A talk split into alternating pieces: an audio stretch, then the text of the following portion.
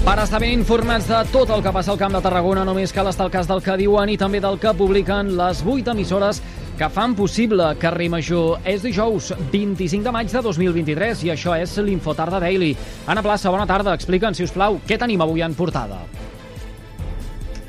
És evident doncs que tenim problemes portada, per connectar la amb la nostra pluja, companya Protecció Civil Anna Plaça. manté activada l'alerta del Pla Inuncat per la previsió de pluges intenses a pràcticament...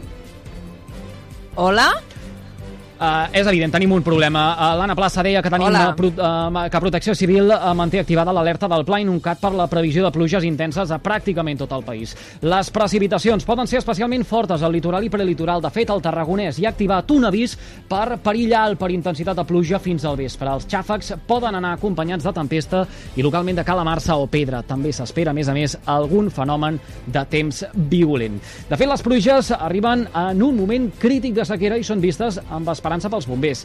De fet, Marc Castellnou, que és bomber investigador sobre incendis forestals, confia que aquests ruixats ajudaran que a l'estiu no sigui tan complicat com es preveia. on, on s'ha de decidir com serà la campanya d'estiu. Jo crec que acabarà plovent, vull creure que acabarà plovent i que entrarem una, un estiu dur, però dins dels paràmetres normals. No serà un estiu catastròfic com el que s'estava preveient els últims dos mesos que no es donava que, hagués, que arribés pluja.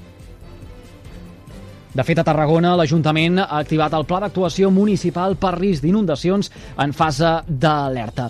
Més coses. La Federació Catalana d'Apartaments Turístic, Federatur, vol recuperar la figura del gestor per potenciar la professionalització del sector. Ara sí, Anna Plaça, bona tarda.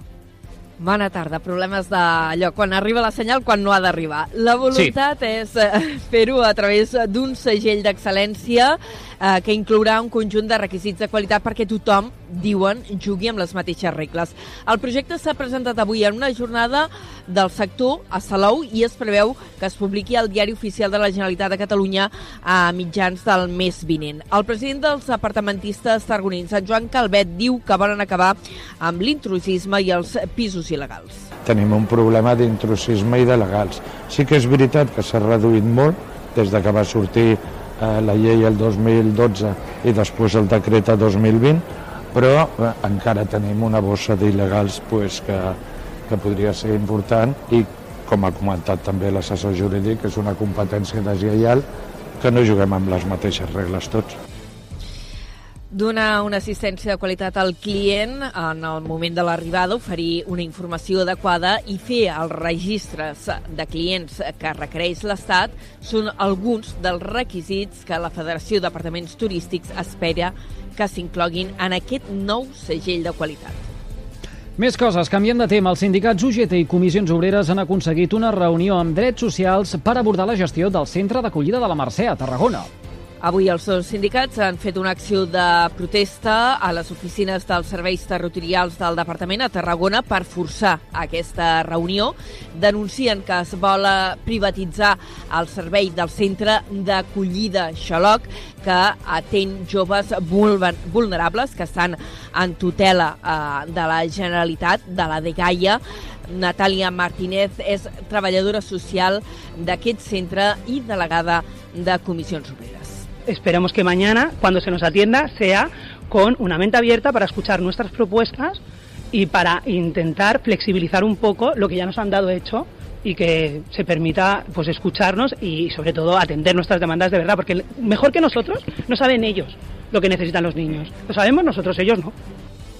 Avui protesta de treballadors socials, per aquest cas de la Mercè, i ahir a la tarda una cinquantena de persones van protestar eh, davant de la seu del Departament d'Educació a Tarragona per rebutjar l'última proposta laboral que ha, ha formulat la Conselleria.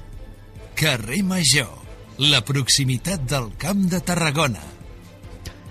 En crònica de successos, s'enfronta a 18 anys de presó per intentar matar dos veïns d'Horta de Sant Joan l'any 2022. L'Audiència de Tarragona ha començat avui a jutjar aquest cas. Eh, els fets es van produir quan l'home, quan l'acusat, va entrar a l'habitatge de les víctimes on va atacar una dona i després el seu fill, el qual va intentar aturar l'agressió. L'investigat, que es troba en presó preventiva eh, des del mateix any dels fets, serà l'últim en declarar en la vista oral que, com dèiem, ha començat avui. La fiscal també sol·licita una indemnització de més de 4.500 euros de responsabilitat civil. La defensa del processat ha demanat l'absolució.